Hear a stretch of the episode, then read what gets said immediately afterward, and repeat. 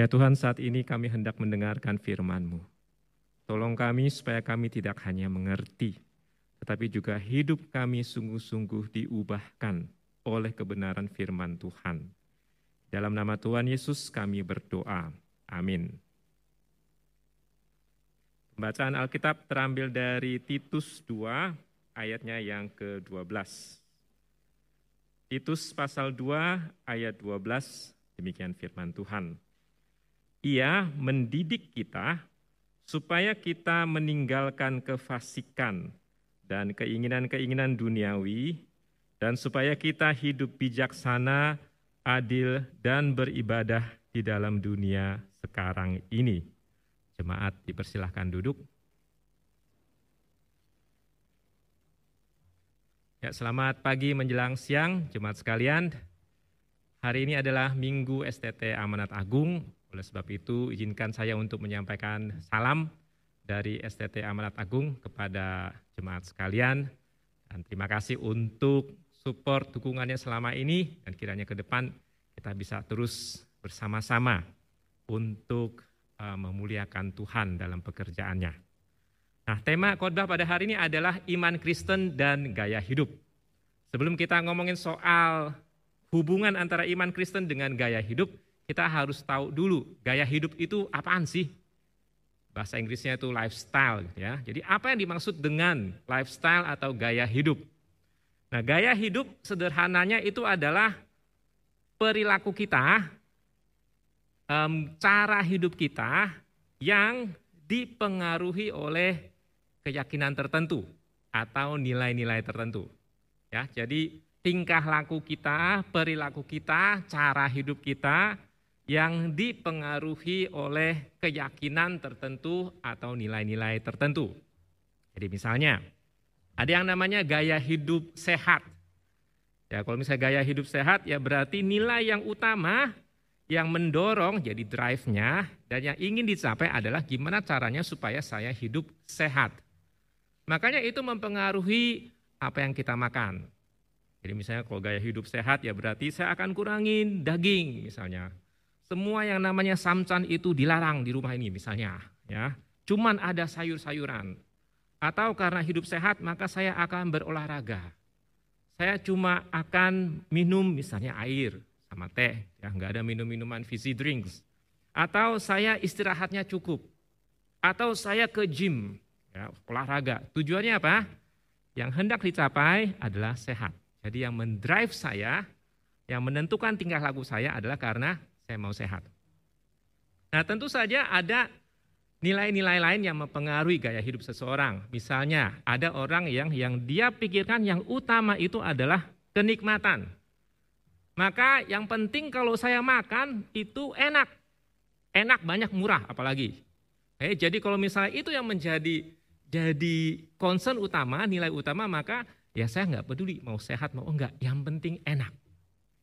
Yang penting pokoknya itu saya seneng. Jadi misalnya dia mau kolesterolnya 10 ribu, enggak masalah. Yang penting enak. Hari Senin makan samcan goreng, Selasa samcan rebus, Rabu samcan bakar, Kamis samcan kecap. Pokoknya samcan all the time. Tujuannya apa? Karena yang saya mau capai itu adalah makan saya enak. Itu gaya hidup. Ya, jadi gaya hidup itu adalah sesuatu yang kita lakukan itu sadar atau nggak sadar dipengaruhi oleh nilai atau keyakinan tertentu. Contoh lainnya itu kan masalah kesehatan. Budaya populer juga mempengaruhi tanpa sadar. Ya, jadi kalau misalnya sekarang, zaman sekarang itu kita itu sadar nggak sadar dipengaruhi oleh misalnya budaya populer, misalnya budaya uh, K-pop, Korea. Semuanya tuh ke Korea-Koreaan. Orang sekarang itu agak tahu dikit mengenai bahasa Korea. Ya, meskipun yang tahunya cuma Anyong Haseo sama Opa. Ya pokoknya itu yang penting. Eh, bahkan sampai cara berfoto pun berbeda. Kalau zaman dinosaurus seperti saya, zaman dulu, kalau mau terlihat keren untuk foto, kalau misalnya Bapak Ibu yang ada yang zaman dinosaurus seperti saya, kira-kira gayanya seperti apa? Zaman dulu itu gaya keren itu kalau metal itu seperti ini. Ya, itu kayaknya udah keren, nggak tahu kenapa. Pokoknya begitu foto set, itu kayaknya keren. Atau kalau misalnya yang agak-agak netral sedikit, paling tidak gayanya itu semuanya sama. Begini, Jadi kalau misalnya kalian lihat yang uh, anak-anak SMA, SMP zaman dulu gitu, atau kuliah, itu semuanya tuh rata-rata begini. Zaman sekarang udah nggak ada. Zaman sekarang kalau misalnya foto mesti gimana? Gayanya begini semua. Ini artinya apa? Sarangeo ya, bukan sarang burung, sarangeo. Um, katanya itu love ya. Zaman dulu nih bukan love gitu, zaman dulu ini duit. Zaman saya dulu, kalau orang gini gitu ya duit. Dan sekarang saya hampir nggak pernah lihat ada orang yang begini atau begini. Jadi itu udah zaman purbakala. Jadi tanpa sadar nilai-nilai tertentu itu mempengaruhi gaya hidup kita, bahkan termasuk mempengaruhi pose berfoto kita. Ya. Nah, sekarang pertanyaannya adalah apa hubungannya iman Kristen dengan gaya hidup? Seperti tadi, Gaya hidup kan dipengaruhi oleh nilai atau keyakinan tertentu. Maka harusnya iman Kristen itu mempengaruhi atau mendasari gaya hidup kita. Dan sebaliknya harusnya gaya hidup kita itu menjadi cermin dari iman Kristen. Apa yang kita lakukan sehari-hari, perilaku kita, itu menjadi cermin dari apa yang kita percayai. Itu harusnya. Masalahnya kadang-kadang ini nggak nyambung antara yang dipercayai dengan kehidupan atau perilaku sehari-hari. Nah ini juga masalah yang dihadapi oleh Rasul Paulus dan rekan pelayanannya yaitu Titus. Jadi kalau misalnya kita baca surat Rasul Paulus kepada Titus, maka salah satu masalah utama yang dihadapi oleh Titus adalah ada pengajar-pengajar yang ngajarnya nggak benar. Jadi ngaku-ngaku Kristen tapi isinya itu sebenarnya nggak benar, campur aduk. Ya. Dan salah satu hal yang Rasul Paulus bilang untuk membuktikan bahwa mereka salah adalah Rasul bilang lihat aja cara hidup mereka. Itu nggak matching. Itu nggak matching. Makanya di Titus 1 misalnya ayat 16 itu dikatakan demikian. Mereka, yaitu orang-orang ini yang ngajarnya yang nggak benar ini, mereka mengaku mengenal Allah. Tetapi dengan perbuatan mereka, mereka menyangkal dia. Jadi Rasul bilang, lihat, mereka ngaku-ngakunya beriman, punya iman gitu ya, percaya. Tapi lihat aja, perbuatan, tingkah laku, gaya hidup mereka itu nggak mencerminkan. Karena apa? Karena memang ini nggak benar. Makanya perilakunya juga nggak benar. Jadi bagi Rasul ini menjadi bukti memang pengajarannya itu nggak benar. Makanya Rasul Paulus kasih nasihat kepada Titus. Kalian sebaliknya nggak demikian. Kalian itu harusnya ini dua nyambung. Makanya dia kasih berbagai nasihat. Termasuk tadi ayat 12 yang kita sama-sama dengar. Nah, waktu kita masuk ke ayat 12, kita harus mulai dari yang pasal 2 ayat 11. Jadi Rasul Paulus mau jelaskan dasarnya dulu. Ya, dasarnya dikatakan karena kasih karunia Allah yang menyelamatkan semua manusia sudah nyata. Jadi yang mendasari gaya hidup kita, Rasul Paulus bilang mulai dari Tuhan menyelamatkan kita. Kasih karunia Tuhan yang nyata di dalam Kristus Yesus itu menyelamatkan kita. Itu udah benar. Tapi nggak berhenti di ayat 11. Itu sebenarnya harusnya lanjut di ayat 12. Ya, sudah menyelamatkan itu menjadi dasarnya. Kemudian di ayat 12 dikatakan ia mendidik kita. Jadi nggak cuma selamat, tetapi juga mendidik kita supaya hidup kita benar. Nah, sering kali kadang-kadang gitu ya, yang bagian orang Kristen ini kita itu berhenti cuma di ayat 11. Maksudnya gini, kalau misalnya kita tanya ya orang, apa artinya percaya Tuhan Yesus? Maka kadang-kadang orang Kristen akan bilang, oh percaya Tuhan Yesus berarti nanti saya masuk surga. Oh percaya Tuhan Yesus berarti nanti saya dapat hidup kekal. Oh percaya Tuhan Yesus berarti nanti saya itu akan uh, mendapatkan keselamatan. Itu tentu nggak salah. Cuma kalau misalnya ditanya gitu ya, oh itu kan nanti, kalau sekarang gimana? Kadang-kadang orang Kristen bisa bingung gitu. Oh sekarang ya nunggu, nunggu nanti masuk surga. Jadi harus ngapain? Ya sudah nunggu aja. Ya hidupnya, ya hidup ya terserah saya, saya atur sendiri, kan hidup saya. Jadi kadang-kadang kita merasa iman Kristen itu cuman buat nanti kayak tiket ya, dapat tiket masuk surga. Kayak kita nonton bioskop itu dapat tiket nanti mau nonton. Selagi nunggu nanti masuk nonton bioskop ngapain? Ya suka-suka saya, saya mau nunggu, saya mau makan, saya mau apa, ya terserah saya.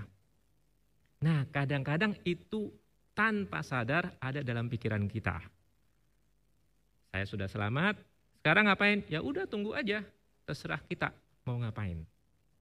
Kalau kita lihat di dalam Alkitab, maka itu adalah cara pandang yang sebenarnya nggak tepat. Karena kita lihat di sini ayat 11, kasih karunia Allah menyelamatkan. Betul. Adanya Kristus itu memberikan keselamatan. Tetapi ada lanjutannya. Di ayat 12. Ia mendidik kita supaya kita meninggalkan kefasikan dan keinginan-keinginan duniawi. Kalau misalnya mau pakai bahasa tema kita, supaya kita meninggalkan gaya hidup duniawi. Jadi semua gaya hidup yang tidak sesuai dengan apa yang Tuhan inginkan. Atau semua gaya hidup yang nilai utamanya bukan Tuhan, tapi sesuatu yang lain. Jadi Rasul bilang, Nggak cuma kita selamat, tapi sebenarnya kita dididik, diajar supaya hidup kita itu benar. Tinggalkan gaya hidup yang nggak sesuai. Dan kemudian terapkan gaya hidup yang sesuai. Gaya hidup yang sesuai itu apa? Misalnya dikasih contoh di sini, supaya kita hidup bijaksana. Kadang-kadang istilah lain yang dipakai adalah bisa mengontrol diri tahu yang mana yang benar, mana yang nggak benar. Kalau nggak benar ya jangan diikutin. Kemudian adil dan beribadah di dalam dunia sekarang ini. Jadi di sini mau bilang selamat betul itu dasarnya tetapi juga selama hidup kita tuh dididik, dilatih meninggalkan gaya hidup yang lama, gaya hidup yang nggak benar, kemudian menerapkan menerapkan gaya hidup yang sesuai dengan apa yang Tuhan mau. Nah mungkin ada yang bertanya, kalau gitu taunya gimana? Kalau saya itu gaya hidup saya itu udah sesuai atau enggak? Salah satu caranya mungkin kira-kira seperti ini. Kira-kira kalau misalnya ada orang ngelihat cara hidup kita, tingkah laku kita, apakah orang itu bisa berkata, eh ini orang Kristen? Orang akan ngomong gitu enggak? Apakah keluarga kita, pasangan kita, orang-orang yang dekat dengan kita, saudara seiman kita, ketika melihat tingkah laku kita, mereka bisa bilang, iya itu memang, dia memang orang Kristen. Atau sebaliknya, ketika orang melihat hidup kita, orang bingung. Mosok sih ini orang Kristen? Kok hidupnya seperti ini? Nah kalau misalnya yang terjadi adalah yang kedua, orang lihat kita kemudian bingung, katanya Kristen tapi kenyataannya enggak, berarti kita mesti refleksi. Eh, apa yang salah ya dengan saya? Kita harus lihat lagi. Harusnya kan iman saya kelihatan dalam hidup saya. Kalau misalnya enggak, ya saya mesti datang pada Tuhan, bertobat. Jadi kita harus lihat apakah ketika orang lihat kita, benar-benar orang bisa ngomong benar dia orang Kristen atau jangan-jangan ketika orang lihat kita, mereka akan bilang, "Oh, itu itu mah mata duitan." Kalau misalnya yang yang ngomong gitu adalah orang yang nggak suka sama kita, ya anggap aja itu fitnah gitu ya. Tapi kalau misalnya ngomong gitu, pasangan kita ngomong gitu, keluarga kita ngomong gitu, teman-teman kita ngomong gitu, teman-teman seiman juga ngomong gitu, itu berarti something wrong dengan kita. Dia mah memang mata duitan. Gitu. Berarti apa? Berarti yang ada dalam benak kita ya uang. Atau misalnya orang bilang, oh dia mah sukanya itu cari muka. Itu kan berarti orang semua bisa lihat ya kehidupan kita. Atau jangan deket-deket dia, dia mah sukanya gosip. Atau misalnya jangan deket-deket dia, itu orangnya mah sukanya marah-marah. Jadi bisa macam-macam. Ah dia mah orangnya kerjaannya itu suka pansos, ya panjat sosial. Jadi dikit-dikit yang mau dicari itu prestis, dikit-dikit mau nunjukin nih saya eksis.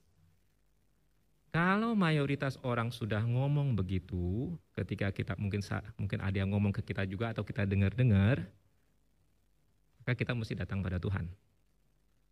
Jangan-jangan selama ini gaya hidup kita itu enggak matching dengan iman kita. Yang benar adalah iman Kristen itu mendasari gaya hidup kita, mempengaruhi gaya hidup kita. Dan gaya hidup kita itu harusnya mencerminkan iman Kristen. Itu yang paling utama.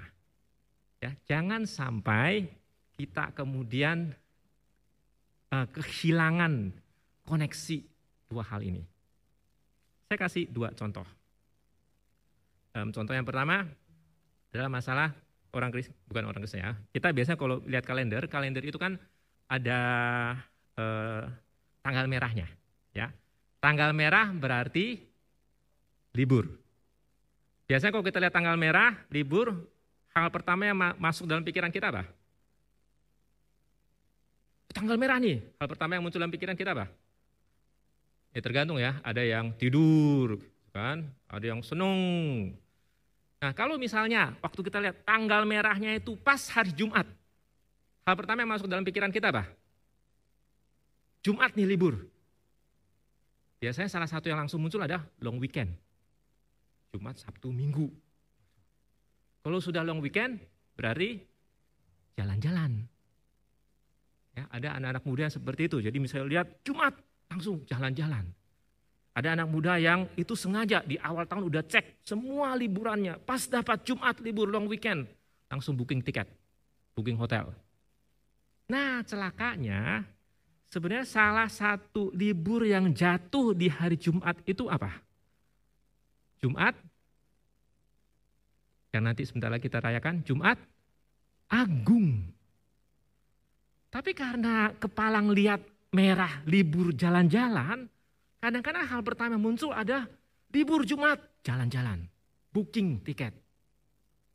Mau itu Jumat Agung, mau itu bukan Jumat Agung, bodoh. Yang penting saya jalan-jalan.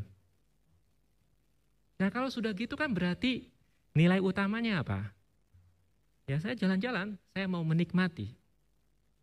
Jumat Agung Pasca ya bahasa bodoh lah. Itu ya nantilah mungkin tahun depan, dua tahun lagi, tiga tahun lagi. Apalagi sekarang pandemi kan tinggal bisa lihat aja dari online misalnya. Yang penting saya jalan-jalan. Nah kita mesti mikir baik-baik. Jangan sampai itu jadi kebiasaan kita, dikit-dikit. Pokoknya libur adalah hak saya. Gak ada yang boleh ganggu, termasuk Tuhan. Hati-hati. Itu lama-lama jadi gaya hidup kita. Ya itu contoh satu. Contoh yang kedua misalnya soal uang. Kadang-kadang kita berkata bahwa enggak kok saya baik-baik aja sama uang gitu. Saya percaya sama Tuhan.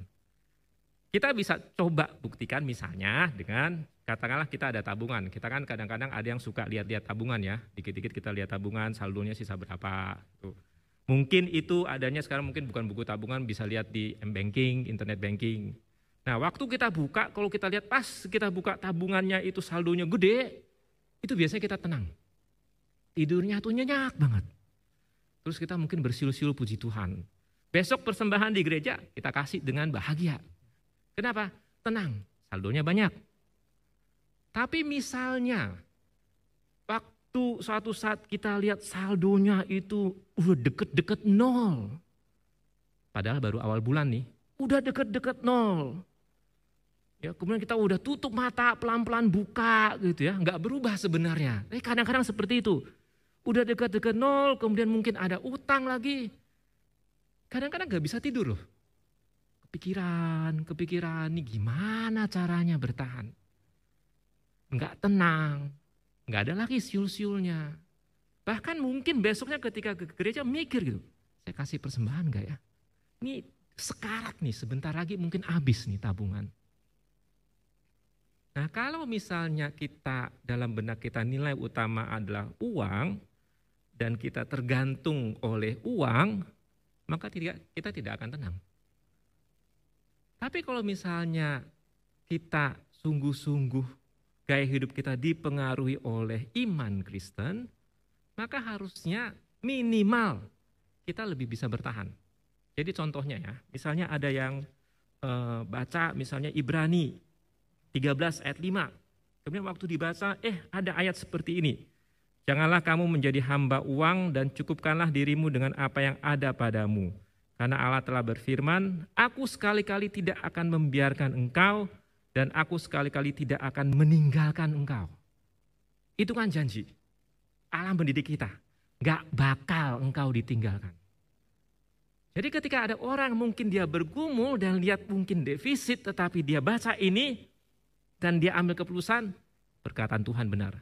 Saya percaya sepenuhnya. Maka akan ada damai sejahtera. Meskipun pergumulannya masih ada. Maka itu bisa membantu dia mungkin tidur meskipun pergumulan masih ada. Maka dia masih berani memberi persembahan meskipun pergumulannya ada. Jadi itu yang terjadi. Kalau kita mengutamakan uang, kita akan kacau. Tetapi kalau tadi iman yang menjadi dasar kita, maka kita akan bisa bertahan. Dan waktu orang lihat, orang akan bilang, ini memang orang Kristen.